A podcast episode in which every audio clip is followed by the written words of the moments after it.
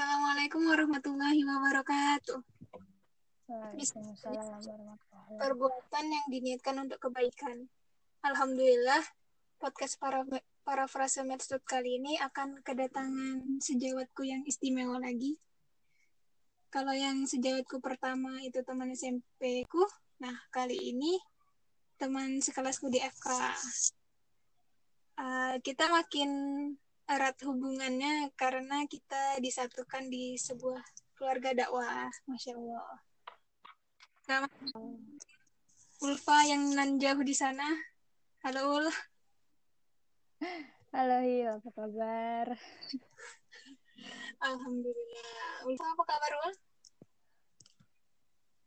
Hmm, menjalani uh, studi from home. Banyak distract banyak uh, banyak hambatan kalau mau belajar untuk fokus. Okay. tantangan tersendiri. Tetap tantangan tersendiri. Keluarga sehat? Alhamdulillah uh, beruntung di daerah Ulfa nggak terlalu banyak bukan nggak terlalu banyak lebih tepatnya sih nggak ada kasus positif ya alhamdulillah. Jadi insya Allah baik-baik saja terus uh, gimana ul kuliah selama pandemi? Kan kita lagi libur nih. Senin depan hmm. masuk lagi. Oh, kemarin kuliahnya uh, uh, positif negatif ya.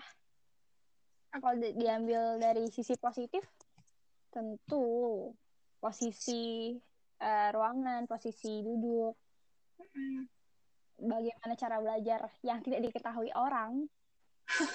Apalagi orang yang uh, lebih suka belajar sendiri itu sebuah kenikmatan tersendiri. Jadi jadi bebas gitu mau ngapain ya kan? Benar benar benar.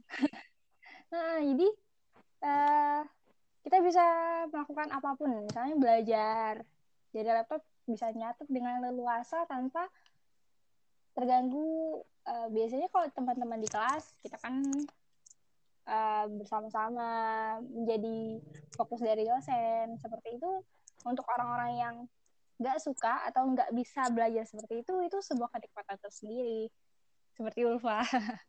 Jadi sebenarnya kalau kalau Ulfa sendiri itu lebih suka belajar dengan cara sendiri gitu. Misalnya kalau Ulfa kan belajarnya lebih suka video bener. Jadi bener-bener nikmat banget belajar dari rumah melalui uh, room video call.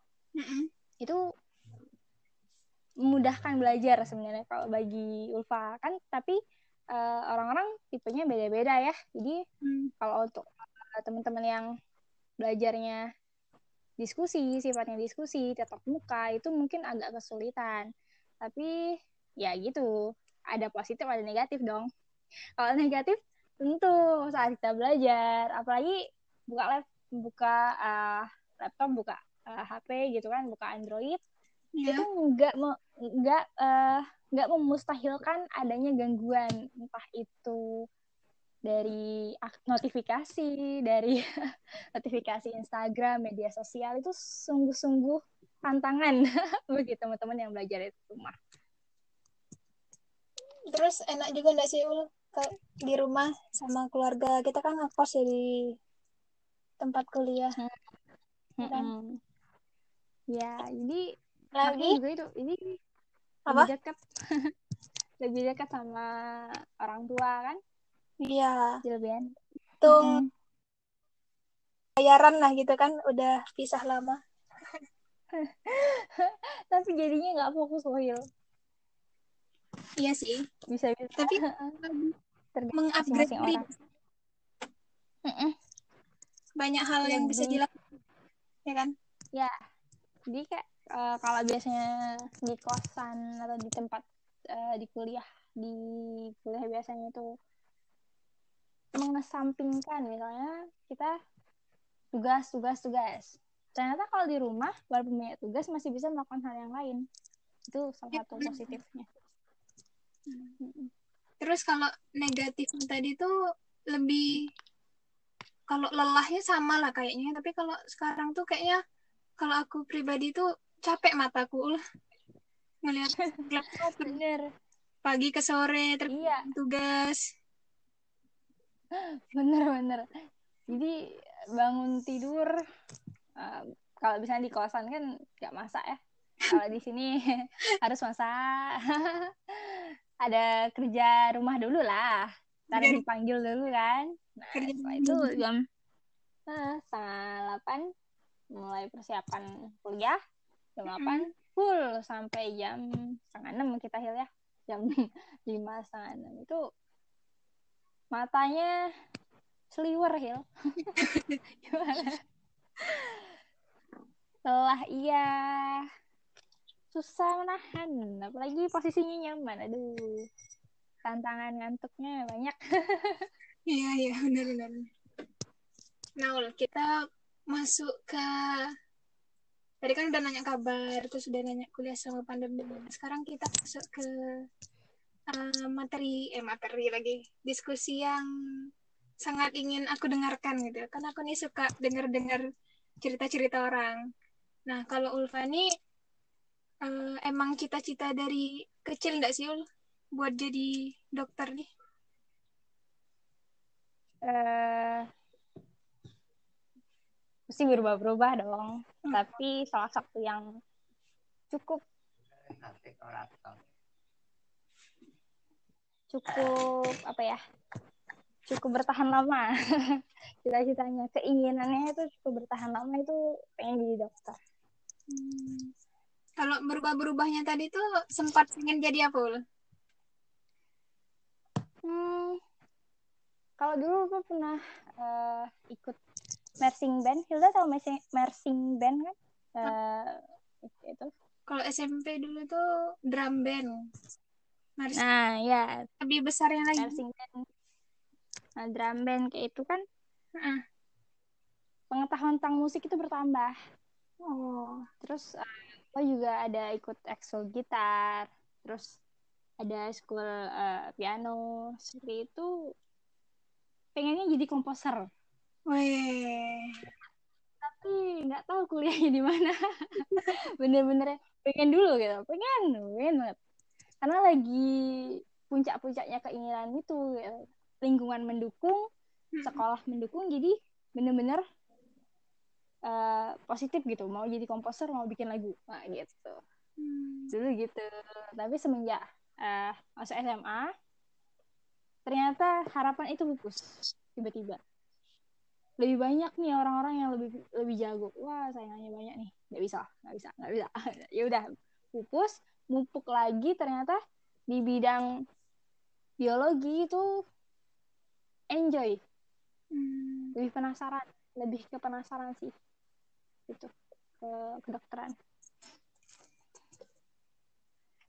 terus uh, berarti tadi yang jadi pengen jadi komposer tuh emang dari kecil ya ul iya jadi, tergantung lingkungan Hil tergantung lingkungan Oke. Okay. Ya. Nah, uh, terus kan ini udah uh, udah masuk lah nih uh, di FK. Boleh cerita nggak sih ul uh, cerita sebelum masuk FK perjuangan-perjuangannya gitu? Uh, mungkin teman-teman sama ya kurang lebih sama. Kalau perjuangan masuk FK semua orang uh, tentu berbeda, tapi tidak jauh tujuannya gitu kan hmm. sebenarnya uh, untuk Ulfa sendiri itu FK itu utama tapi tidak diutamakan. Gitu. Jadi gini. Nah. jadi gini misalnya teman-teman uh, mikirnya apalagi teman-teman yang masih SMA uh, masih di zamannya pemilihan jurusan gitu kan mikirnya kalau misalnya mau masuk FK harus biologi nih harus kimia nih harus banyak-banyak di situ. Ya kan? Kebanyakan kayak itu karena uh, dari sudut pandang orang luar itu kalau FK wah kesehatan nih berarti biologi. Enggak sebenarnya enggak. Kalau mas sendiri lebih ke logika. Jadi uh, aku lupa namanya yang TPK yang matematika dasar madas yang kayak uh, seperti tes tes masuk itu loh Hil. Ada kan?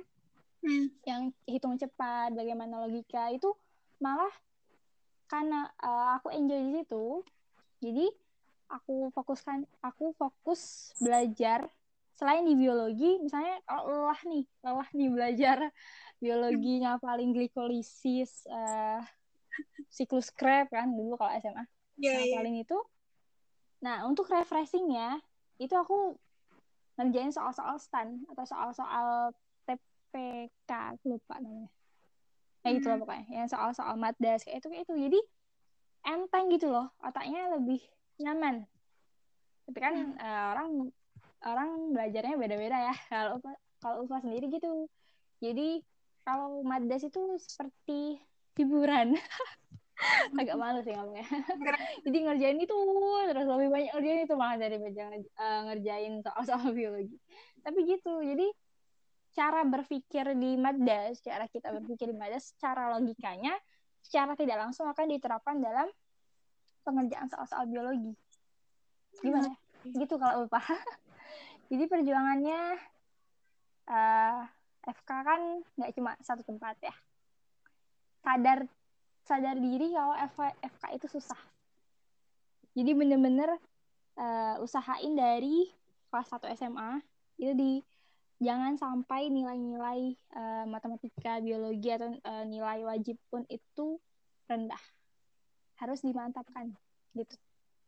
Baru setelahnya saat uh, ujian, saat masuk masuk uh, ujian masuk tes itu bisa lebih terbiasa sih.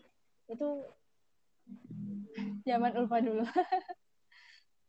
berarti uh, kalau misalnya Ulfa berarti kesenangannya buat selingan tuh Madda sih Ul. Iya. Tapi sebenarnya kalau kalau kita di FK tuh tidak melulu menghafal enggak sih? Mm -hmm. Emang emang yep. butuh logika, benar sih kata Ulfa. Nggak mm -hmm. menghafal mati gitu lah. Soalnya banyak kayak dibahas aku juga ngebahas kemarin waktu di waktu sama Jessie nggak nggak melulu hafal mati soalnya banyak yang nanya tuh adik-adik tingkat tuh banyak yang nanya harus jago ngafal ya kita perlu ngafal tapi logika juga harus jalan ya kan ul jadi uh, kemarin kan aku ikut FK digital promosikan aja jadi kayak uh, webinar pembahasan salah satu topik di FK kan. Hmm. Jadi gini, misalnya kita udah ngafalin obat tep tep tep tep. Hmm. Ternyata dalam kasus uh, nyatanya dalam kita menghadapi pasien secara langsung itu nggak bisa melulu kita pakai obatnya ini ini ini ini. Kita lihat dulu pasiennya itu uh, ada nggak at first uh, ada nggak dia reaksi dengan obat ini kalau misalnya kayak dia mau dikasih diuretik uh, obat untuk uh, meningkatkan cairan kan mengeluarkan cairan dari tubuh kan hmm. misalnya kayak gitu nah nggak melulu kita tuh harus uh, misalnya dia ada edema kita kasih diuretik jadi kita lihat dulu dia edemanya karena apa. Uh, edema nggak tahu ya teman-teman ya. edema itu bengkak dalam tubuh itu kelihatan uh, dilihat dengan piting edem bisa uh, dengan uh, pemeriksaan fisik itu dilihat kan edema itu seperti apa bengkak pokoknya. Hmm. Jadi kita lihat dulu, nggak melulu dia ginjal ada uh, penyakit ginjal ada edema itu karena adanya penumpukan cairan. Kita lihat dulu uh, ada nggak faktor-faktor lain? Misalnya apakah edemanya karena ada penumpukan lemak atau karena gravitasi atau dia karena bangun tidur kayak gitu. Jadi nggak melulu dengan penyakit ini obatnya ini. Jadi kita harus pakai uh, kalau di matematika kita kan pakai rumus tapi dengan rumus itu kita olah kayak gitu. Gimana ya? Jadi nggak melulu harus tap tap tap tap kayak gitu nggak bisa nggak bisa aku kalau dalam pelajaran di FK biasanya Hil hmm. uh, kedokteran itu adalah seni.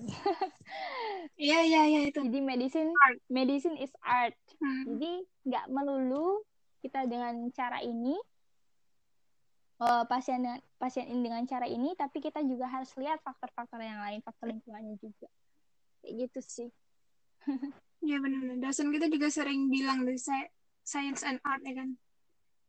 Mm-mm, science is art, medicine is art. Jadi nggak bisa kalau kita, apalagi untuk teman-teman yang mau jadi FK, atau teman-teman yang sudah berada di FK, itu kalau bisa diperluas pengetahuannya.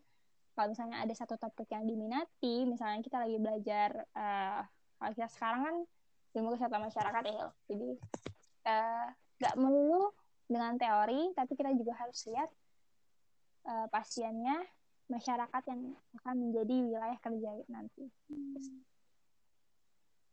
Hmm, Oke, okay. nah, terus Ul, uh, jadi Ulfani masuk ke FK kita tuh uh, jalur apa Ul? Aduh, jalur SBMPTN karena belum rezeki di jalur undangan.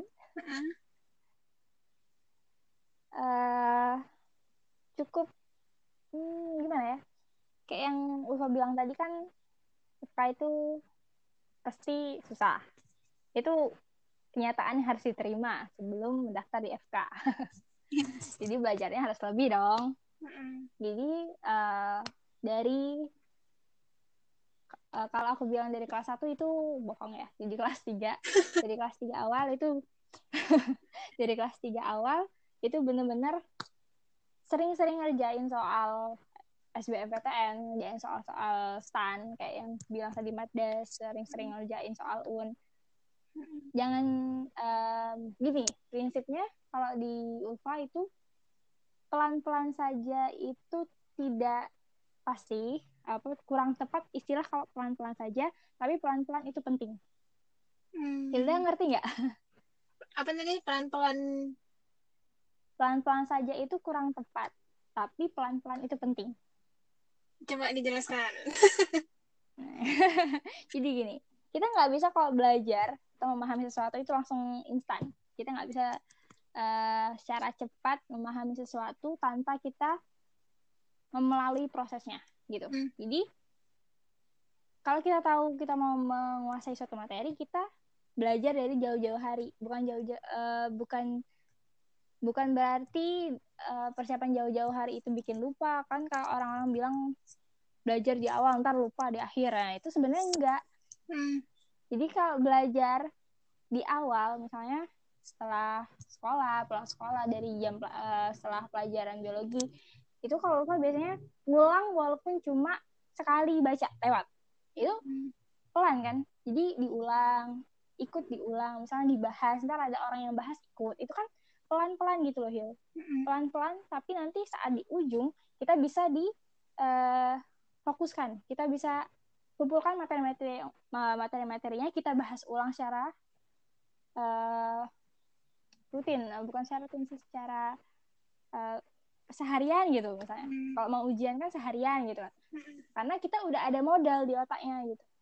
Jadi pelan-pelan itu pelan-pelan saja itu kurang tepat tapi pelan-pelan itu penting. Jadi kalau pelan-pelan saja misalnya dia hamin sebulan masuk apa ujian masuk SBMPTN baru belajar tapi belajarnya pelan-pelan baru baca satu halaman satu halaman awal satu kalimat satu kalimat itu salah gitu loh. Hmm. maksud maksud gak Hilda maksud ngerti gak ngerti kan? Ngerti ngerti ngerti. Jadi gitu. Tuh berarti keren tuh tips tips dari Ulfa nah Ul tapi, tapi apa apa? uh, tapi ini Hil tapi itu ngambil dari anime. Apa apa? Dari an itu ngambilnya dari anime. Tapi diterapkan? Iya terinspirasi. Jadi kalau nonton anime tuh harus menerapkan juga kebaikannya ya oleh jadi nggak sekedar hobi tapi cara cara tadi tuh di sangat bisa diterapkan juga nggak sih uh, sebagai mahasiswa FK ya kan? Mm -mm. karena materi kita banyak ya. Materi kita banyak. Uh, saat ujian juga apa nggak sesuai ekspektasi gitu soalnya. Bener-bener bikin terkejut. Perasaan aku jadi kayak kalau di ujian di CBT apalagi di ujian uh, komputer hmm. itu pasti ada momen saat ujian kayaknya aku nggak pernah deh belajar ini. Ada lihat soal aku nggak pernah lihat ya? Nah, atau kayak duh aku kemarin lihat tapi gimana ya? Gitu tuh pasti ada. Nah pastilah itu. Jadi benar-benar penting uh, untuk berprogres dari awal itu penting ya aku juga uh, sedang menerapkan ya. Jadi bukan uh, pemerintah atau membuat uh, suatu pernyataan tapi aku hanya mengajak teman-teman. Bukan menyarankan sekedar menyarankan kamu gini-gini. Enggak aku ngajak teman-teman untuk uh, seperti itu gitu. Hmm, Insya Allah. Yang terus oh ada Amin. kalau ngomong cara belajar kan tadi cara belajar belum ujian masuk FK terus juga sama lah cara belajar di FK terus ada cara belajar lain nggak? Ulfa di FK misalnya kayak cara menghafal atau diskusi bareng teman atau kayak mana tuh? Hmm, gimana ya? Kan cara belajar tiap orang tuh beda-beda ya. Ya versi Ulfa nih. Jadi hmm, kalau versi aku hmm? setelah dibaca setelah dibaca itu diulang baca sambil ditulis intinya yang kira-kira mau kita poinkan. Nah, misalnya kalau misalnya uh, eh, CKD chronic kidney disease misalnya. Hmm. misalnya kita mau poinkan tata laksana sama komplikasi uh, pengobatan sama komplikasi. Itu saat dibaca sambil ditulis kira-kira poinnya apa itu hmm. sama uh, pemeriksaannya misalnya kayak gitu. Tapi nggak semua itu yes. Karena itu menghabiskan waktu benar-benar poin intinya gitu. Jadi misalnya pasiennya uh, stadium misalnya kayak itu kayak itu cirinya apa jadi benar-benar di poin. Nah setelah ditulis baca tulisannya dong. Tapi kalau bisa tulisannya yang rapi-rapi. Kalau bisa tulisannya rapi-rapi. Karena UFO itu tipe susah menghafal uh, teori ya susah menghafal materi. Jadi UFO kayak gitu. Jadi habis dibaca ditulis saat nulis kan kita udah baca, uh, saat membaca kedua kan kita udah pernah baca dong. Oh ini tadi ini. Oh ini tadi. Sekalian ingat gitu. Tapi jangan tutup mata. Jadi benar-benar kita liatin biar mata kita terbiasa dengan tulisan itu. Ntar waktu ujian insya Allah adalah oh ini tuh ini. Setelah selanjutnya ini. Walaupun lupa itu di mana di kuliah ke berapa yang penting ingat isinya. Kalau diskusi sama temen hmm. itu susah susah. Soalnya kita nggak tahu kan dia udah belajar apa kita udah belajar apa. Orang tuh beda-beda gitu. Karena di FK itu materinya tabrek hmm. jadi kalau mau diskusi bener-bener nah, kalau Ufa biasanya ngajak Nurul Hil. Ngajak Nurul. Hmm nanya dulu misalnya eh, kamu udah belajar ini belum? Udah misalnya. Eh kalau nggak ini ini ini gitu. Jadi nggak se apa ya kalau ini bahas tuh bener-bener lihat dulu kondisi temennya itu udah bisa uh, udah kira-kira udah ada bahannya belum. Jadi kalau jadi kita kalau diskusi itu nyambung. Jadi dia kurangnya apa kita uh, kasih tahu misalnya kalau kita ingat atau kita mengetahui. Jadi kalau kita nggak ngertinya di mana dia juga bisa jelasin. Jadi diskusinya nyambung gitu sih Nah, benar. Jadi sebelum sebelum belajar atau diskusi bareng teman tuh kita harus nyiapin diri dulu ya. Mm-mm, jadi nggak semula kita min kalau kita kosong nih belum belajar apa-apa tiba-tiba nanya eh ini itu apa ya? Ini itu apa ya? Gitu kan. Mm dia jelasin sepanjang lebar apa pun kita nggak ada modal kita nggak ngerti nggak ada dasar misalnya. Ya percuma gitu loh. Iya benar-benar Terus tadi yang menu apa baca dulu baca sambil nulis terus dibaca lagi itu nanti catatannya sangat berguna ya sih untuk dekat-dekat ujian mm -hmm. kita tinggal ya baca itu bener. Bener bener. Kalau misalnya nggak dicatat misalnya nggak ada catatan mm-hmm. kita sendiri misalnya kita lihat catatan orang itu kita, kadang kan nggak lengkap dong. Nggak ada nggak ada keterangan itu apa gitu. Misalnya dia nulis cuma tanda panah uh, ini obatnya. Apa pasien? Apa kita nggak tahu. Jadi benar-benar kalau bisa itu kita buat catatan sendiri. Tapi kalau untuk teman-teman yang nggak bisa nyatet uh, boleh tuh minta catatan sama yang catatannya lengkap dan jelas. Itu penting. Lengkap dan jelas. Yang nggak suka nyatet juga ada tuh Iya, jadi kalau misalnya emang teman-teman nggak suka nyatet, saat materi kan misalnya teman-teman harus sadar dong wah aku nih nggak bisa nyatet aku tuh capek kalau nyatet tangan aku tiba-tiba lemah. Misalnya kayak gitu.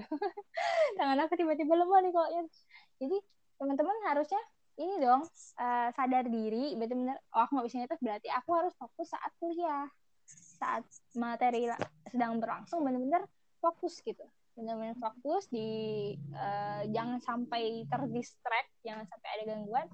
Dan uh, kalau misalnya nggak uh, ada yang lupa minjem catatan temannya misalnya kayak itu kita punya cara masing-masing lah ya cara masing-masing. Mm -hmm, kita punya cara yang masing-masing.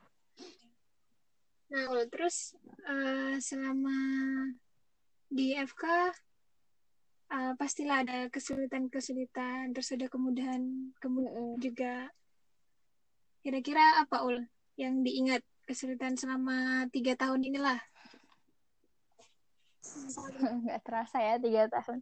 Nah, kalau kesulitan uh, semua orang punya ambisi ya sebenarnya. Cuma ada yang menunjukkan ambisinya ada yang enggak misalnya di awal kuliah ini kalau kesulitan ya jadi di awal kuliah wah aku harus dapat IPK 4,0 wah dikira mudah. Wah aku harus dapat cum laude. Jangan jangan dikira mudah dong. Jadi benar-benar uh, dari awal kuliah tunjukkan masih uh, kalau kesulitan kalau kelas sendiri hmm, gimana ya uh, standar orang kan beda-beda. Jadi kalau Ulfa tuh susahnya karena mudah terdistract apalagi di kosan. Mudah ada gangguan. Jadi nggak bisa uh, hmm, jadi baru belajar 15 menit. Hmm. ada notifikasi Instagram. Mana itu di kosan. Di kosan itu eh, nggak uh, ada yang ngawasin nggak ada kalau teman-teman kan sama-sama di kamar masing-masing kayak itu kan hmm. itu benar-benar tantang tersendiri sulit banget untuk bisa memfokuskan diri kalau apalagi kalau tipe Ulfa nih dari dulu ada temennya gitu kan jadi kalau di rumah kan ada orang tua liatin terus nggak mungkin kan main HP terus ah. hmm. kalau SMA dulu ada teman-teman bener-bener kalau di asrama kan apalagi lupa dulu asrama ini bener-bener ada teman nih temannya belajar harus belajar juga. Nah itu kesulitan kalau pas diri. Gimana caranya untuk fokus dan mengingat kembali. Pelajaran yang lalu itu kesulitan tersendiri benar-benar harus diproses-proses ulang. Cara mengatasinya dan juga biar nggak nggak hilang fokusnya itu sulit. Kalau kemudahan hmm, bukan kemudahan sih Hil. Tapi ke nikmatan oh, iya. kenikmatan. kenikmatan. Mana tuh? Nah, kenikmatan jadi NFK itu kita tahu diri kita sendiri. Kita tahu apa yang terjadi pada diri kita. Hmm. kita bisa tahu kenapa misalnya kenapa kalau misalnya uh, perempuan itu saat menstruasi itu bisa sakit atau misalnya uh, cara-cara menanganin kenapa kita kasih obat paracetamol yang itu tuh udah sering gitu didengar di masyarakat obat demam paracetamol sakit gigi paracetamol kayak itu jadi benar-benar tahu kan kenapa pakai obat ini kenapa gitu. Jadi benar-benar kalau di ranah kesehatan itu ke, uh, kenikmatannya itu kita bisa tahu apa yang terjadi pada diri kita sendiri kayak dan juga uh, kalau misalnya uh, teman-teman yang muslim ya hmm? itu kalau di FK itu secara tidak langsung itu membuat kita jadi lebih religius. Kalau misalnya teman-teman mendapatkan uh, hikmahnya gitu. Misalnya uh, kalau di Al-Quran kan di ada dijelasin uh, kenapa anak itu disusui selama dua tahun. Itu ada dalam kesehatan tuh udah dijelasin. Bener-bener emis lah gitu. Emis ya, benar, benar, sering ditanyain tanpa sadar walaupun nggak secara diucap tapi kayak kita penasaran gitu. Kita uh, kalau ada sesuatu yang baru minimal tuh ada di pikiran tuh terlintas apa sih itu ya itu itu tuh kalau tentang kesehatan insya Allah itu bisa terjawab gitu. Yang sering dicapin yang dijelasin ustadz-ustadz tentang kesehatan kayak itu entah kenapa emes gitu benar-benar terjadi. Kita bisa lebih dekat gitu sama Allah insya Allah hmm. insya Allah yes. Iya, benar-benar uh, tapi kan nggak semua orang dapat hikmahnya ya jadi benar uh, untuk teman-teman yang lagi berhijrah berhijrah lagi move on move on ke pendekatan kepada Allah itu bisa jadi emes salah satu cara kita dapat uh, uh, bukan. Uh, hikmah-hikmah gitulah. Berarti sebenarnya uh, hikmah tuh sebenarnya nggak perlu kita cari lagi ya udah di depan mata ya kan? Tinggal kita na nangkep ya. mau atau enggak gitu ya kan? Emang benar nah ada hil aku aku dapat di podcastnya Ustadz Felix sih hmm. sebenarnya. Kesehatan tapi ini berhubungan dengan itu kan ada dalam Al-Quran jika kamu lupa sih tapi kalau kamu melihat ke kekuasaan Allah lihatlah pada dirimu sendiri gitu kan hmm. ada kan yep. Iya. nah itu tuh saat uh, ternyata saat embriogenesis saat penetrasi dari pertemuan antara sperma dan ovum hmm. itu tuh kenapa sih mereka bisa masuk uh, kenapa sperma itu bisa mengarah ke ovum hmm. padahal kalau misalnya uh, ovum itu kan kanan kiri ya Hil ya? Misalnya. Logika nih. Ovum itu kanan kiri. Misalnya kalau lagi yang keluar yang kiri hmm. kenapa tuh spermanya bisa ngarah ke kiri? Hmm. gitu. Itu kan ada reaksi kimianya kan kalau kita belajar. Tapi tapi aku belum terlalu paham masya Allah. Itu. Itu kan ada reaksi kimia ada ngeluarin kayak uh, semacam zat yang bisa menarik sperma-sperma itu ke arah ovum kan? Hmm. nah itu kenapa? Siapa sih yang ngatur adanya zat itu? Siapa sih yang ngatur sperma tuh harus kayak gitu? Siapa sih yang ngatur ovum kayak gitu? Sebenarnya tuh itu adalah kekuasaan Allah. Cuma kadang kita tuh hanya oh karena ada ini oh karena ada ini gitu. Jadi sebenarnya Allah tuh udah ngasih gitu nah. Apalagi anak FK tuh bener-bener ngasih tahu sama, sama uh, teman-teman yang di FK itu benar-benar ngasih tahu ini loh kekuasaan Allah gitu.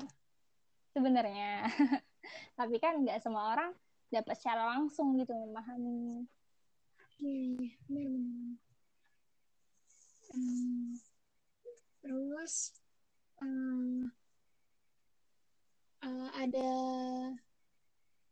ada kejadian apa ya ada peristiwa atau kisah yang eh tuh sebelum masuk itu kan kita aku mau nanya uh, kan kita belajarnya banyak blog nih. Nah, dari semua blog-blog yang ada, apa blog favorit Ulfa?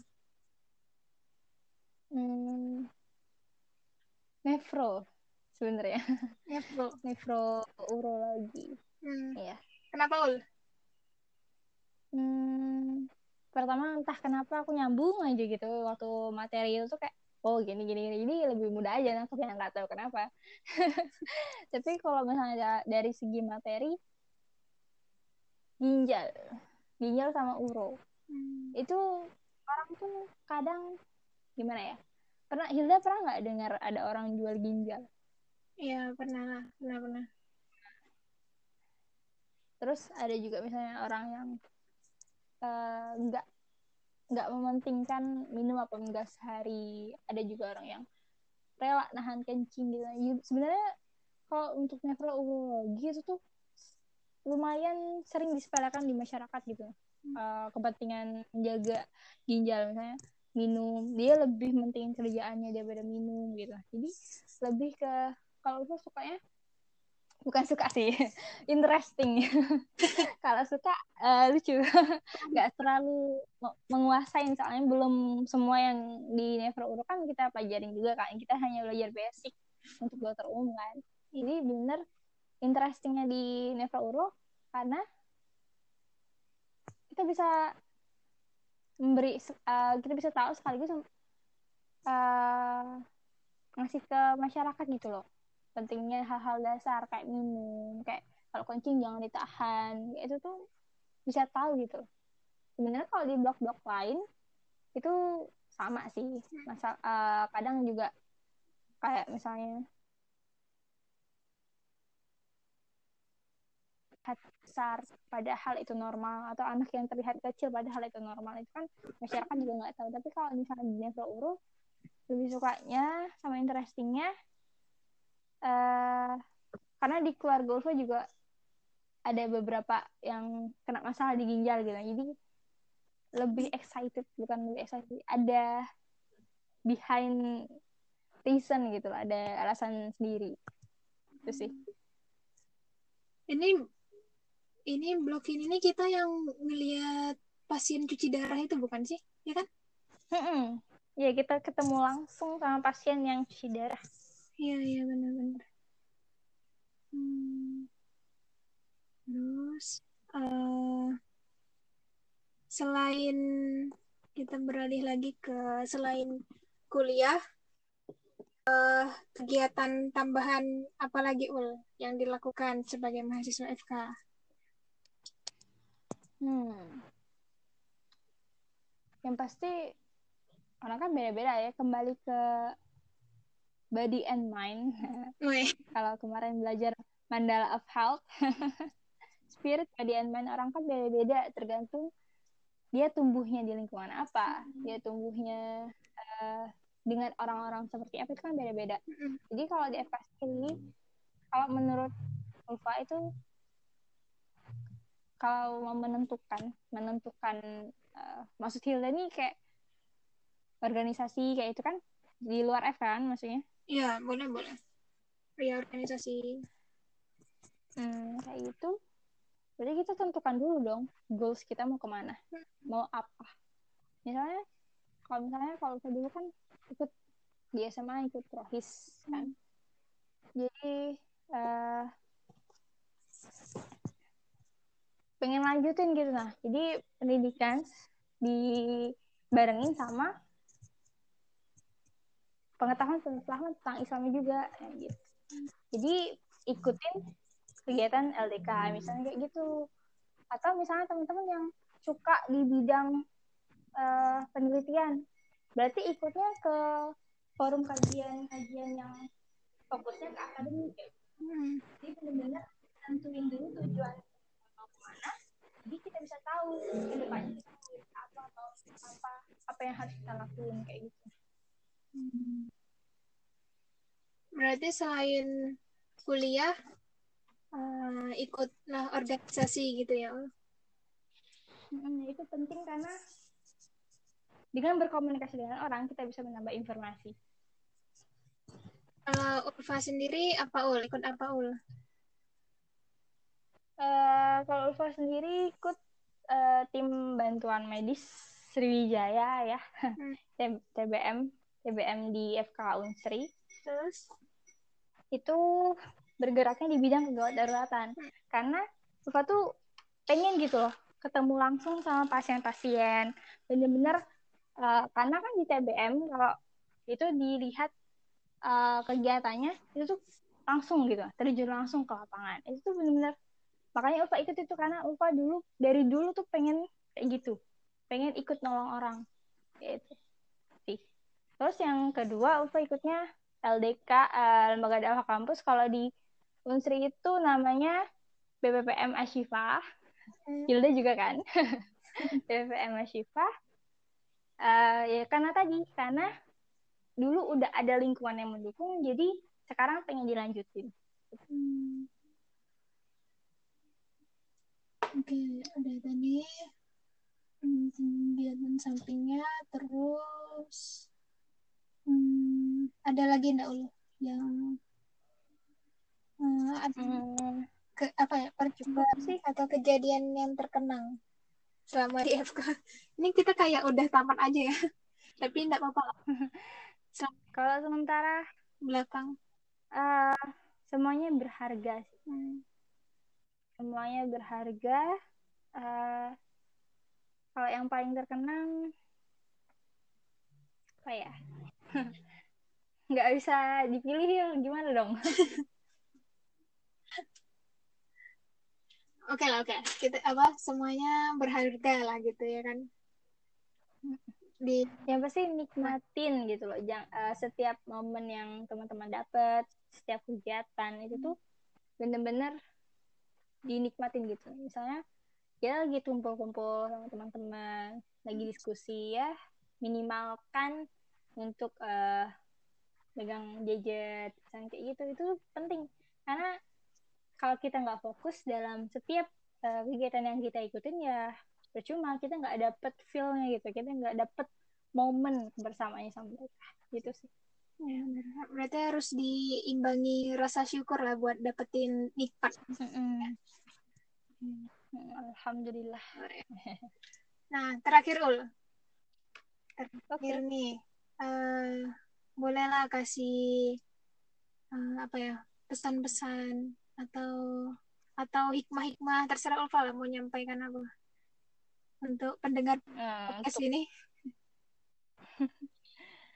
Oke, okay. Bismillahirrahmanirrahim. Uh, teman-teman yang uh, berada di rumah masing-masing atau misalnya lagi di perantauan, itu jangan pernah lupa apa yang menjadi goal, apa menjadi goal kalian? Entah itu sebagai seorang muslim tentu kita goalnya akhirat.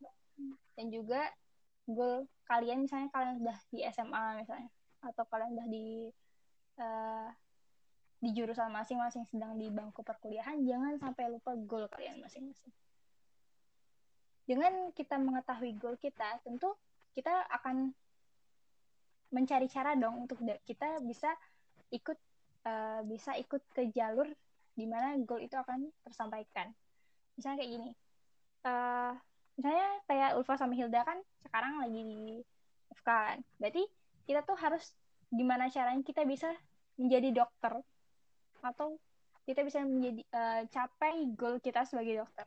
Hmm. nah dengan uh, goal goal uh, dengan mengetahui tentang goal tersebut kita tentukan kita saring informasi-informasi yang kita dapat di keseharian. Misalnya kayak gini. Uh, kalau Ulfa sendiri itu termasuk agak toxic main Instagram.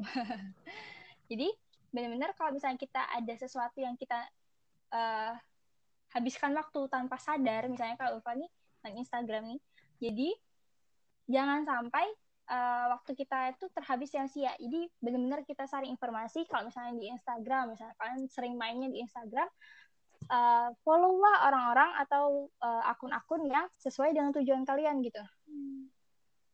Jangan sampai kita menghabiskan waktu tanpa ada informasi berharga untuk kita dapat ketujuan uh, ke, ke goal kita tersebut.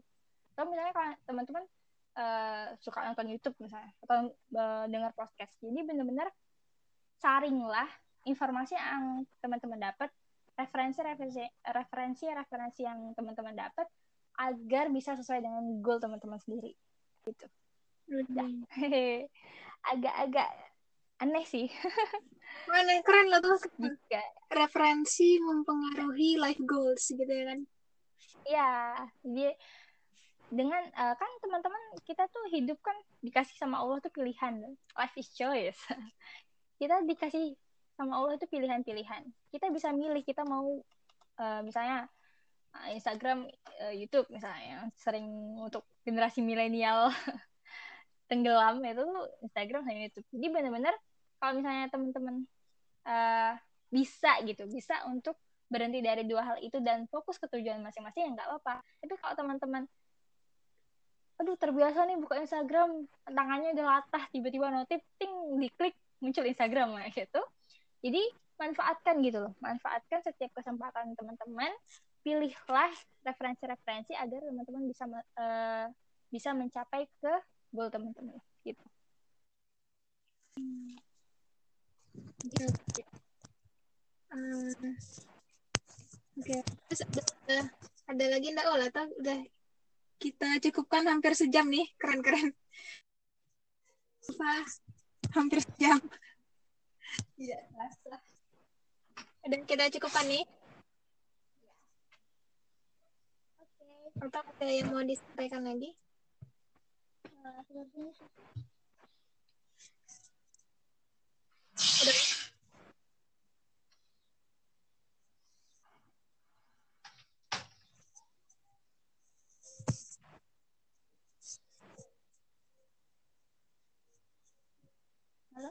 Halo, ya Ul? Iya, tapi mengingat waktu udah senja. Udah nih, udah. Ya, bahasanya. Sangat sering. Udah ya, kita cukupkan lah ya. Iya. Insya Allah dari apa yang Ulfa bagi tadi, kita bisa ambil banyak kebaikan. Uh, makasih banyak Ul udah sharing-sharing cerita hebat, pengalaman-pengalaman menarik, dan ada tips dan triknya juga tadi. Semoga bagi yang mendengarkan dan bagi aku juga sangat insya Allah sangat bermanfaat. Semoga kita cepat temu kangen kembali di kelas tercinta. Amin. Ya, Semoga pandemi cepat berakhir. Ya, kita tutup ya. Ya. Assalamualaikum warahmatullahi wabarakatuh. Dadah, Wal. Dadah, Waalaikumsalam warahmatullahi wabarakatuh.